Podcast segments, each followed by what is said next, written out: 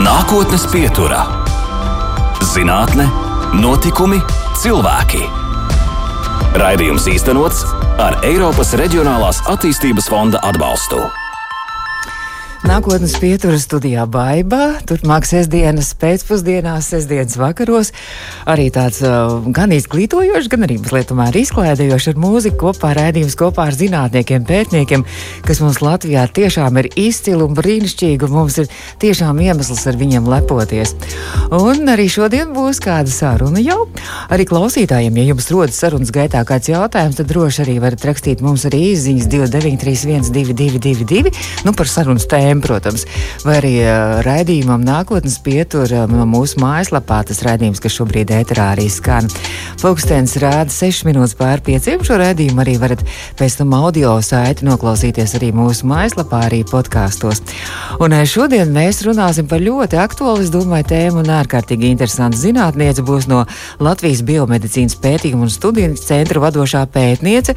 Viņa arī ir genoma centra un Nacionālās biobankas valsts iedzīvotāju genoma un datubāzes vadītāja bioloģijas doktora Vita Rovīta. Nākotnes pieturā - zinātne, notikumi, cilvēki. Nu, lūk, arī nākotnes pietura un arī mūsu attālinātā viesņa šodien ir Latvijas biomedicīnas pētījumu un studiju centra vadošā pētniece arī genoma centra un Nacionālās biobankas vadītāja bioloģijas doktora Vita Rovīte. Vita, labdien! Labdien! Man jāsaka, vispirms paldies, ka jūs piekritāt sēsdienā, sēsdienas pēcpusdienā pavadīt šo stundu kopā ar mums un mūsu klausītājiem. Un, Vita, jūs teicāt pat ļoti labi, ka sēsdienā, jo tad būs līdz piekdienai visi tie darbi apdarīti, viens ātri projekts, kas ir jāpabeidz un atskaiti jāuzraksta. Jā, tā kā zinātniekiem arī tādi darbiņi ir jādara. Jā? Jā, jā, diezgan daudz arī, protams, administratīvās lietas.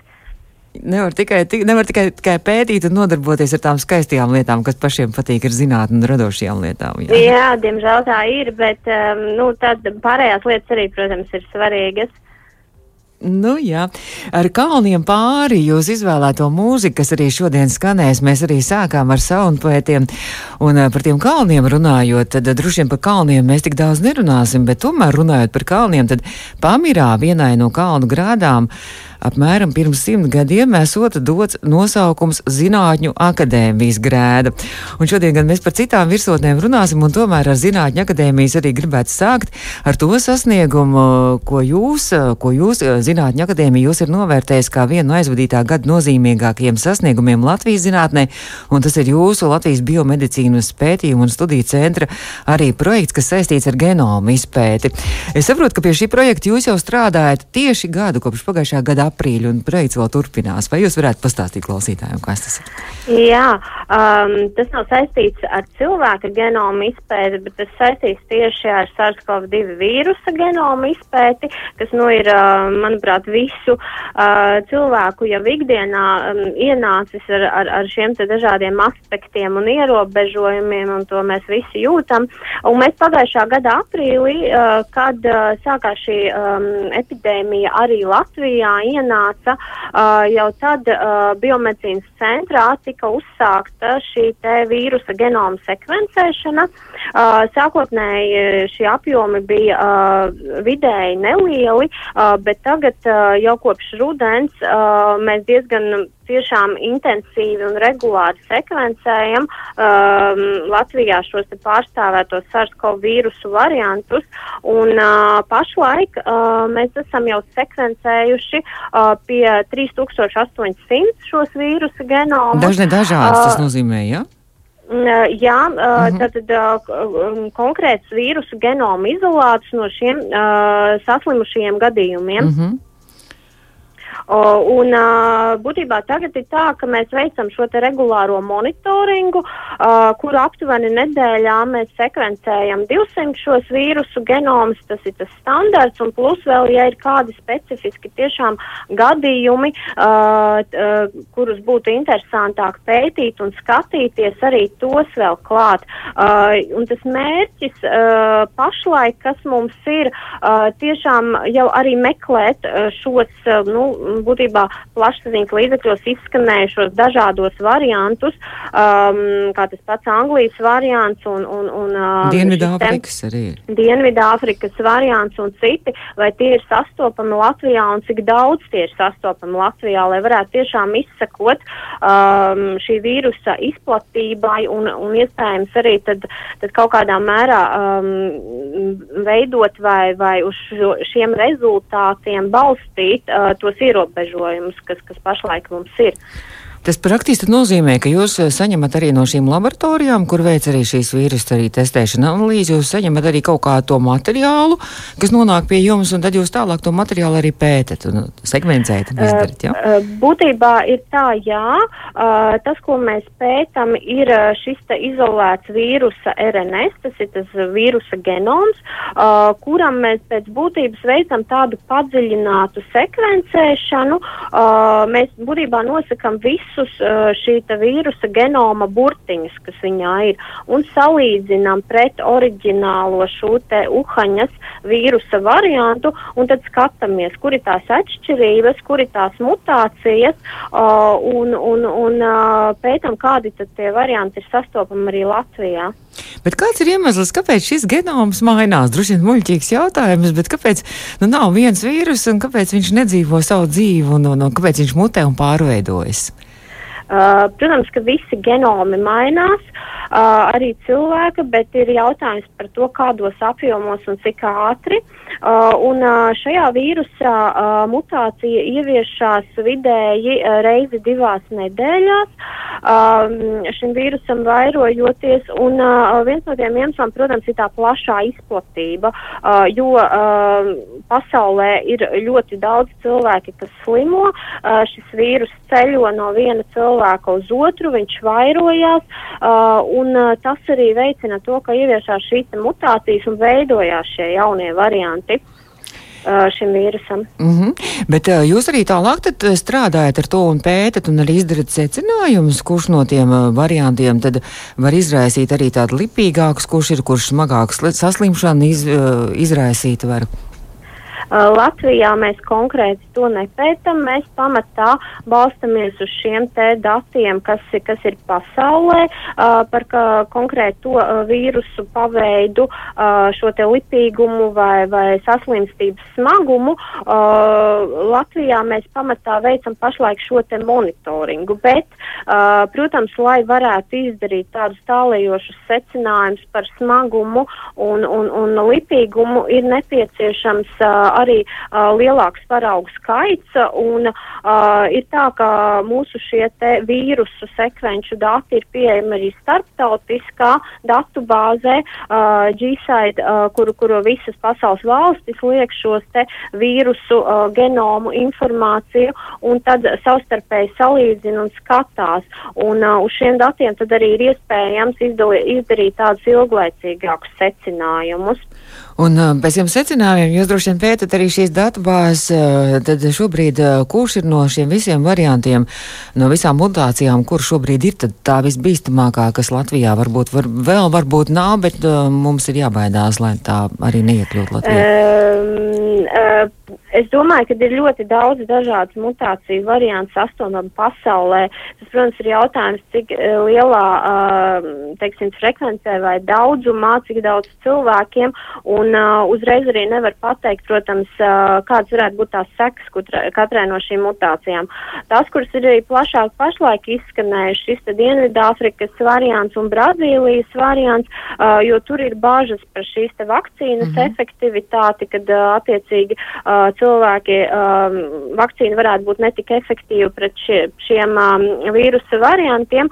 Latvijā uh, līdz šim um, tie ir iepriekšējās nedēļas dati bija divi šie Dienvidāfrikas vīrusa gadījumi, kuri izskatās, ka ir lokalizēti, ka nav izplatījies tālāk pašlaik šis te uh, vīrus. Uh, nu, protams, jāskatās, jo, jo katru nedēļu mums ienāk jauni dati un mēs viņus pētam un tad skatāmies un tā situācija var, var tieš, tiešām ātri mainīties. Bet Brazīlijas variants līdz šim Latvijā nav konstatēts, taču šis te Anglijas variants, par kuru bija arī lielas bažas un vēl aizvien ir, nu, mēs jau novērojam viņu, viņu būtībā 60% sekvencēto vīrusu. Uh, un, un tāpat laikā, piemēram, janvāra sākumā šķiet, ka bija tas pirmais gadījums, kad, kad vispār tika konstatēts Latvijā, un, un tagad viņš jau ir 60% mm -hmm. no, no sekvencētajiem atrodams. Šis jūsu pētījums, acīm redzot, ir ne tikai tas, lai uh, epidemiologiem būtu arī vieglāk arī tad, uh, uzņemt kontaktus arī ar saslimušiem un mēģināt arī izolēt viņus un arī pētīt, kā tur tālāk, lai, lai neattīstās un viens otram šo slimību nenodod. Bet droši vien arī šie pētījumi ir ļoti svarīgi arī uh, vakcīnu izstrādē, vai ne? Noteikti, jā, jo eh, tas palīdz arī izsekot, jo, jo uh, tas segments, ko vēl mēs tagad esam uzsākuši, tiešām sadarbībā ar slimību profilaks kontrolas centru mēģināt izsekot tos dažus ratos gadījumus Latvijā, kur šī te vakcinētiem cilvēkiem tomēr ir izveidojusies šī saslimšana, un es domāju, ka tas ir tas noteikti nākamais posms, kas ne tikai Latvijas, bet visas pasaules līmenī ir ārkārtīgi svarīgs skatīties to, kādi ir šie vīrusu varianti, kuri, kuri var apiet šīs vakcīnas, um, veidot, to, veidot to aizsardzību un, un tālāk piemērot vai uzlabot šīs vakcīnas, lai tomēr um, varētu maksimāli izvairīties un, un pasargāt no šīs saslimšanas. Vīta, tad es gribu tā jautāt arī tieši par šodienu. Šodien ļoti aktuāla informācija jau vakar un šodien, ka bezgalīgi daudz cilvēku tomēr vēlas šo vakcīnu un tiešām tas tāda, nu, priecē, ka, ka cilvēki grib pasargāt sevi un arī viens otru. Un, un šodien jau arī tās milzīgās rindas eh, stāvēja pie vakcinācijas eh, centriem. Ko jūs ieteiktu, vai, vai ir jēga vakcinēties, vai nav jēga, ja nu gadījumā tas vīrus visu laiku mutē? Un, un, un, piemēram, kāda vakcīna varbūt arī var nepalīdzēt, kā jūs teicāt, ka var saslimt arī vakcinēts cilvēks. Uh, noteikti es ieteiktu, ka tiešām vajag vakcinēties, un man vēl šī rinda nav pienākusi, un es nebiju šodien aizbraukusi un rindā nestāvēju, bet līdz ko tas būs, es to darīšu, neatkarīgi no tā, ku, ku, kura tā no tām vakcīnām tā būs, un uh, ļoti būtiski patiesībā ir šī vakcinācija, jo tas tiešām var uh, palīdzēt uh, apturēt plašāku izplatību šim vīrusam, uh, un uh, arī par šiem te uh, variantiem variantiem, kuri ir parādīti mazāk efektīvi, nu, eh, pret uh, vīrusu, ja, ja uh, šie vīrusu varianti, kuri, teiksim, var apiet uh, mazliet šo te vakcīnu vai vakcīna nav tik efektīva, tomēr lielākai daļai jau arī šo te vakcinēto šī um, aizsardzība veidojās un, uh, un uh, jebkurā gadījumā tas var pasargāt ļoti daudzus cilvēkus no saslimšanas. Un tā ir tāda būtībā sabiedrības labā veikta pote, pat vairāk nekā šī te varbūt varbūt indivīda, kurš vien, vai baidās vai nebaidās saslimt, bet tas ir, lai pasargātu tiešām mūsu apkārtējos un līdzcilvēkus. Nākotnes pieturā. Skan nākotnes pieturā turpmāk sestdienās, katru sestdienu pulksten piecos pēcpusdienā mūsu viešņi šodien bioloģijas doktoru Vita Rovītu. Un Vita, jūs esat arī biomedicīnas pētījumu un studiju centra, genoma centra un Nacionālās biobankas arī vadītājs. Stāstiet, ko tas nozīmē? Um, tad Nacionālā biobanka to sauc arī par genoma datu bāzi. Uh, tad, tad ir um, sistēma, kas palīdz uzkrāt, uzglabāt uh, bioloģiskos paraugus pētniecībai. Uh, ko tas nozīmē? Tas nozīmē, ka mēs uh, ievācam uh, asinis, um, arī citus uh, audus, uh, piemēram, audzēju audus, uh, arī šī te uh, vīrusa gadījumā iesaistot pacientus, iesaistam uh, šajā arī biobankā, ievācam, uh, piemēram, vīrusa izstriepes. Un šie te bioloģiskie paraugi uh, tiek uzglabāti turpmākai pētniecībai. Pašlaik mums šajā biobankā jau ir uh, virs 37 tūkstošiem Latvijas iedzīvotāju paraugu, uh, un tie tiek izmantoti dažādos pētījumos, gan genoma pētījumos, gan arī citos molekulārās bioloģijas pētījumos. Arī droši vien kaut kādā arī jaunu zāļu medikamentu izstrādē droši vien arī nodar šī biobankas pētījuma. Uh, jā, arī dažādu jaunu zāļu pētniecībā, uh, dažādu diagnostisko metožu izstrādē un, un, un citos uh, pētījumos, kas ir vērsti tieši uz cilvēku veselību, uh, tās uzlabošanu, profilaksi un ārstēšanu.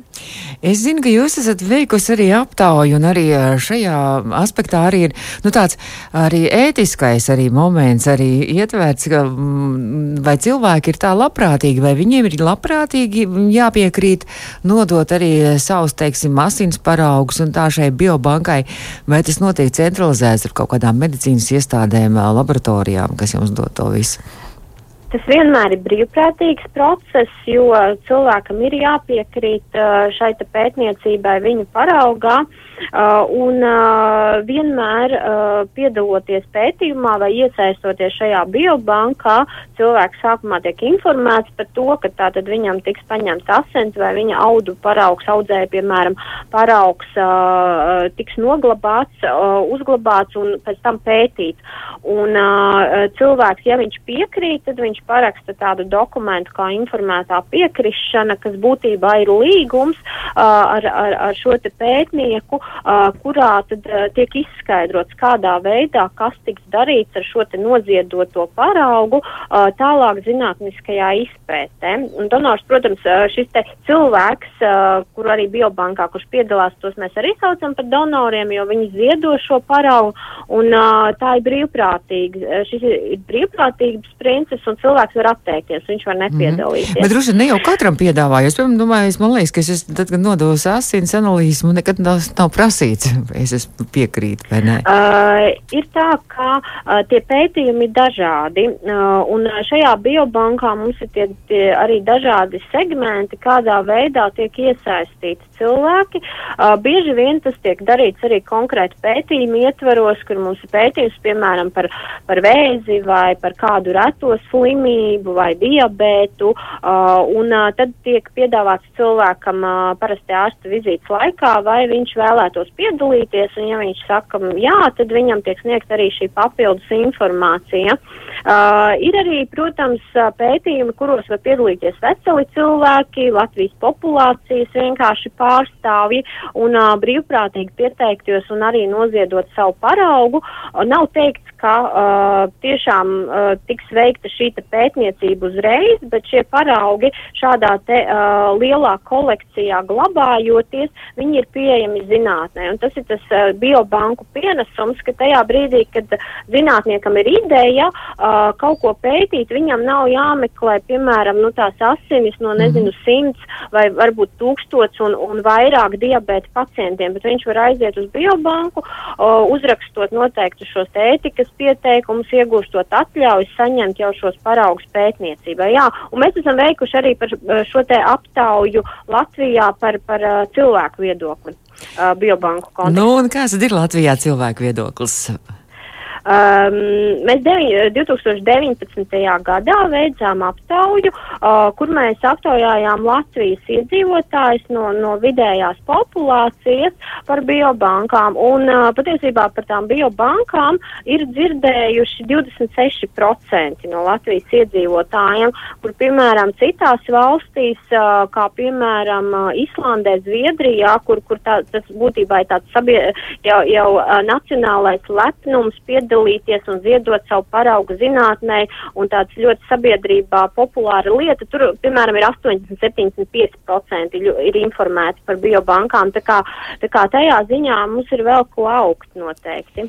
Un par šiem mētiskajiem aspektiem jūs arī to esat pētījusi un arī aptaujas arī veikusi, jo nu, arī tāda varētu būt virkne ētisku arī problēmu, kas ar šīm biobankām un donoriem ir saistīts ar to piekrišanu, arī personas datu aizsardzību, kas šobrīd ir nu, ļoti aktuāla un populāra arī, lai tā darbības caurskatāmība būtu un viss pārējais, kā ar to visu. Mm. Uh, jā, nu, kopsumā uh, Latvijas iedzīvotāji uh, tomēr uzticās. Uh, lielākās tiešām tās bažas, uh, kur viņi gribētu uh, vairāk caurskatāmības, uh, ir tieši saistībā ar šiem datu apstrādes aspektiem, uh, un, un uh, tas varbūt arī zināmā mērā pārklājās ar to, ka ir, ir šī datu regula stājusies spēkā un tiek vairāk aktīvāk runāts arī par šo te, uh, bet, bet kopumā uh, cilvēki tie, kas tika aptaujāti, bija diezgan atvērti uh, šim te un, un, uh, un uh, labprāt arī piedalītos. Par to, ko it kā visvairāk cilvēki bažītos, uh, ir, ir tieši medicīnas vēstures izmantošana pētniecībā, jo tur, tur arī uh, 35% tika tā kā, tā kā minējuši, ka viņi varētu būt nobažījušies, ja viņi šos te medicīnas datus izmantotu pētniecībā, mm -hmm. bet tāpat laikā, piemēram, par šo te dzīves dzīves stila informāciju, cilvēki bija diezgan brīvi un gatavi dalīties ar to. Runājot par teiksim, kaut kādu vienoto Eiropas biobanku, vai tā ir nākotnē, tālāka vai tuvāka, vai tāds kaut kas varētu arī pastāvēt? Visā drīzā nākotnē? Um, Eiropa pie tā jau patiesībā zināmā mērā strādā, bet ne gluži pie tādas vienotas biobankas, bet drīzāk pie tādiem vienotiem principiem, jo ir um, starptautiska organizācija Eiropā, uh, Eiropas um, šī te biobanku infrastruktūra, kurā arī mēs kā Latvija esam dalība valsts, un šī starptautiskā organizācija um, veido tādu sadarbības tīklu visā Eiropā, kur uh, visas Eiropas vadošās biobankas sadarbojās savā starpā gan dažādu šo te ētisko procesu uh, īstenošanā, virzīšanā un, un datu aizsardzībā, gan arī šo te paraugu kvalitātes uh, celšanā un uzturēšanā un ar, arī dažādos šos te datoru saistīto resursu aspektos. Un uh, pašlaik ir tā, ka uh, tiešām šī Eiropas um, infrastruktūra arī veicina to, ka, pieņemsim, lieliem uh, pētījumiem ir pieejami šie bioloģiskie paraugi, kas tagad, piemēram, ir ļoti aktuāli arī ar šo te uh, Covid uh, pētniecību saistībā, ka uh, viņa, teiksim, palīdz apzināt un, un informēt pētnieku sabiedrību par pieejamajiem paraugiem. Un mums, pateicoties šeit valsts pētījumu programmu, programmai, kas tika īstenota uh, iepriekšējā uh, pusga, pusgada, mazliet vairāk laikā, tad arī tiešām Latvijā ir izveidot šāda nopietna un, un laba kolekcija ar Covid pacientu paraugiem, kas varētu tikt izmantot pētniecībā un, un palīdzēt tiešām šo slimību apkarot. Bet eh, sakiet, eh, šī eh, pētījuma programma Covid-19 seku mazināšanai valsts pētījuma programma, tā vēl turpinās vai jau var teikt, ka ir noslēgusies? Jo man liekas, ka uh, vīrus turpinās, tad jau pētījumiem arī būtu it kā jāturpinās. Uh, pētījumi turpinās. Uh, ir tā, ka programma ir noslēgusies, uh, ir daži, es saprotu, ka daži šie apakšprojekti, kuriem ir pagarinājums, bet būtībā tāpat uh, jau ar, ar to. Mm, teiksim, šī te programmas noslēguma nekas jau nebeidzās. Un arī mēs turpinām uh, pētīt uh, biomedicīnas centrā dažādus šos te vīrusu aspektus, jo, protams, ka tas pusgads ir tiešām pa maz, uh, lai, lai uh, pabeigtu un nobeigtu korekti uh, daudzus pētījumus, un ir arī daudz jautājumu radušies, ko, ko ir interesi papētīt tālāk, un ir ļoti būtiski, ka ir pieejams šis materiāls un resursus, kā pamata to var darīt. Es saprotu, ka darba ir daudz arī pie šī projekta, un arī vēl daudz citu projektu jums paralēli arī notiek. Par tiem nedaudz vēlāk, tad vēl turpināsim.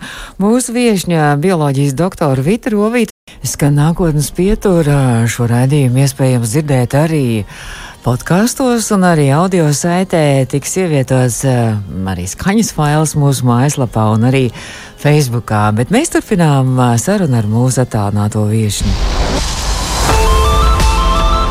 Nākotnes pieturā - zinātne, notikumi, cilvēki. Un turpinām sarunu ar mūsu nākotnes pieturas viešņu. Vita Rovīte, biomedicīnas pētījuma un studiju, studiju centra, arī vadošā pētniece. Vita mums arī ir arī uzrakstījusi īziņu Sofija. Sofija ir mediķis, un Sofija gan saka, ka tīrās šausmas, kas notiek ar šo vīrusu un arī ar Brazīlijas, arī šo mutāciju, un, un uh, viņas uh, domas ir tādas, ka mēs vēl ilgi dzīvosim ar šo vīrusu elpu, atgriežoties pie Covid ar vīrusu elpu pakausījumu mutācijas nevar apturēt. Kā jūs to komentētu? Ļoti grūti pateikt, um, ļoti grūti pateikt. To, ka tas vīrus no dabas nepazudīs, tas ir arī, manuprāt, diezgan jau tā kā, tā kā redzams. Uh, jautājums ir, cik tiešām veiksmīgi izdosies um, šī te vakcīnu izstrāde, aizsardzība un, un pati vakcinācija. Uh, un uh, man ir ļoti grūti komentēt par to nākotni, uh, bet. Um, Bet, nu, es, es uh, nevarētu teikt, galīgi šausmas un, un, un tā, jo es tiešām redzu, ka notiek ļoti liela pētniecība un notiek arī pētniecība tajā virzienā, kā, ka tiek pētīts, kā veiksmīgāk kārstēt uh, š, šo vīrusu un, un, un, un arī, arī tajā virzienā. Un es domāju, ka. Es neesmu tik pesimistiska, un, un es tiešām ceru, ka, ka šī vakcinācija ļoti daudz palīdzēs, un paši arī ārstniecības uh, veidi uzlabosies. Runājot par jūsu vēl pārējiem projektiem, kas arī paralēli norisinās, tad viens no tiem, es saprotu, kas arī, kas ir šobrīd ļoti aktuāls, un tas vēl turpināsies visu un arī nākamo gadu, uh, kur jūs strādājat pie agrīnas diagnostikas un monitoringa algoritmu izveidas aizkuņģa dziedzera neiroendokrīno audzēju pacientiem. Izklausās sarežģīti, ja jūs vienkāršākos vārdos varētu izstāstīt, kas šis ir par projektu. Jā, uh, tas ir projekts, kas saistīts ar šiem te um, uh, audzējiem, kas veidojās aizkuņģa dziedzerī. Un šie audzēji, viņi ir ļoti reti sastopami, bet viņi uh, ir ar ļoti lielu mirstības rādījumu. Uh, būtībā, ja tiek diagnosticēts šis te audzējs, uh, 50%, pat vairāk, 54% no pacientiem piecu gadu laikā mirst no šī audzēja. Uh, un, uh, ir tā, ka uh, agrīna šo audzēju diagnostika varētu palīdzēt uh, ārstēšanā un, un tiešām samazināt šos te letālos iznākumus. Un uh, šis projekts ir sadarbības projekts, kurā ir iesaistīts arī uh, citas pētnieciskās grupas uh, no citām valstīm, no Vācijas, Spānijas, um, uh, Grieķijas un, un Slovākijas. Un uh, tas, ko mēs darām šajā projektā, ir uh, konkrēti Latvijas pusē. Mēs pētam šos te uh, dažādus marķierus vai, vai, vai konkrētas uh, pazīmes um, molekulārās, kuras varētu liecināt par šī audzēja klātbūtni asinīs. Uh, būtībā tas ļautu, um, teiksim, uh, jau paņemot pacienta asinis, uh, detektēt šo te audzēju vai asinīs uh, atrodamas audzēju šūnas. Jo ir tā, ka ja ir šis te audzējs kādā konkrētā orgānā, šīs te šūnas uh, var būt, uh, no, kas nākušas specifiski no audzēja, viņas var būt sastopamas arī asinsritē. Un uh, mēs Latvijā pētam tos faktorus, kas varētu, kas varētu palīdzēt atšķirt asinīs šīs te audzēju šūnas. Savukārt mūsu sadarbības partneri citās valstīs mēģina izstrādāt tādu mikročipa sistēmu, ar kura palīdzību tad varētu šos pacienta asinis, uh, asinīs diagnosticēt šīs te audzēju šūnas. Un tas ļautu uh, uh, agrīni cilvēkam paņemot asinis, noteikt, uh, vai viņam ir šīs audzējas šūnas un potenciāli arī skatīties, uh, vai ir šis te audzējas izplatās auga uh, un, un, un tiešām izvēlēties veiksmīgāk varbūt šo agrīno uh, terapiju. Es novēlu, lai jums izdodas. Vēl visu nākamo gadu arī turpinās vēl šis projekts, laikam, jā, līdz nākamā gada vasarai beigām. Nākamā gada septembrī mums noslēdzās, bet es domāju, ka tur ir arī daudz dažādi šie jau pētījuma virzieni, kur varētu arī vēl turpināties pēc tam. Bet viens projekts tūlīt es skatos, ka laikam mājā arī noslēgsies, kur jūs arī esat projektu vadītājs Ziemeļvalstu diets ietekmi uz zarnu mikrofloras sastāvu. Vai jā, tāds mums ir. Tas ir mazs projektiņš, jā, kas mums ir sadarbībā um, ar, ar uh, doktori gastroenteroloģiju Ilzi Birku. Un, uh, tur mēs vēl esam datu apstrādes procesā, ne, nevarēšu sīkāk komentēt, bet, bet tas mērķis ir uh, paskatīties uz šo te, uh, kā Ziemeļu valstu diēta var ietekmēt uh, uh, arī šo te uh, zarnu mikrobiomu uh, un potenciāli noteiktiem pacientiem ka šajā gadījumā šis iekaisīgo zārnu slimnieki, varbūt uzl uzlabot viņu šo te veselības stāvokli. Ir dzirdēts pat vidusjūras diēta, ziemeļvalsts diēta, kas tas tie varētu būt kartupeļu maize? Ziemeļvalstu diētas ir domātas diētas, kas uh, ir balstītas ziemeļvalstu šajā te dabiskajā uzturā, mm -hmm. un kartupeļi, kā mēs zinām, mums ir introducēta kultūra, ah. tas vairāk balstās uz uh, pieņemsim, uh, pirmkārt zivis, uh, jūras zivis, mm. uh, tad tur ir uh, pār augi dažādi, sakņu augi, saknes, uh, dabiskie, nu, uh, ogas uh, meža un uh, relatīvās devās arī piena produkti un dažādi šie te uh, pilngraudu uh, produkti, uh, kas būtu, mm -hmm. teiksim, nu, tā, tā, tā uh, dabiski raksturīgi ziemeļu valstu uh, šai te uh, florai un faunai, teiksim. Tā. Vispār izklausās ļoti veselīgi. Jā, tas, tas, ir, tas ir tāds, manuprāt, ka Ziemeļu valstīs pat tas ir vairāk izskanējis un modernāks nekā Latvijā, bet būtībā mūsu tā dabiskā uztura bāze arī, arī atbilst šim te Nordic diet, to sauc šim, šim te mm -hmm. stilam, jā. Es saku paldies, mums laiks ir paskrējis, jau tūlīt arī stundas izskaņa. Saku lielu paldies jums, lai veicas visos projektos un, un, un darbos. Un mūsu studijas attālinātā viešana šodien bija bio, biomedicīnas pētījuma un studiju centra vadošā pētniece. Bioloģijas doktora Vita Rovīte. Vita, nu tad mazliet tomēr sestdienas, pēcpusdienas, sestdienas vakars jau Kā ar to atpūtu, ar izklaidi, ko jūs klausītājiem arī varbūt no savas pieredzes varētu ieteikt, uh, ko darīt brīvdienās, ko, piemēram, rīt darīt, ko jūs darīsiet rīt? es uh, domāju, ka es noteikti varētu ieteikt katram darīt to, kas viņam labāk patīk un, un ir uh, veselīgs uh, un, un viņa, viņa organismam tenī brīdī visvairāk vajadzīgs. Tas noteikti varētu būt atrašanās svaigā gaisā ar uh, mīļāko izklaidi, uh, ka, kas nu ir vai, vai sportojot vai darot darbojoties dārzā vai vienkārši pavadot laiku ar tuviem cilvēkiem, un es domāju, ka tas varētu būt šodienai ļoti piemērota. Un jums, un jums pašai, kas tā mīļākā izklaide ir? Brīdi? Uh, man pašai uh, Covid laikā grāmatu lasīšana. Mm.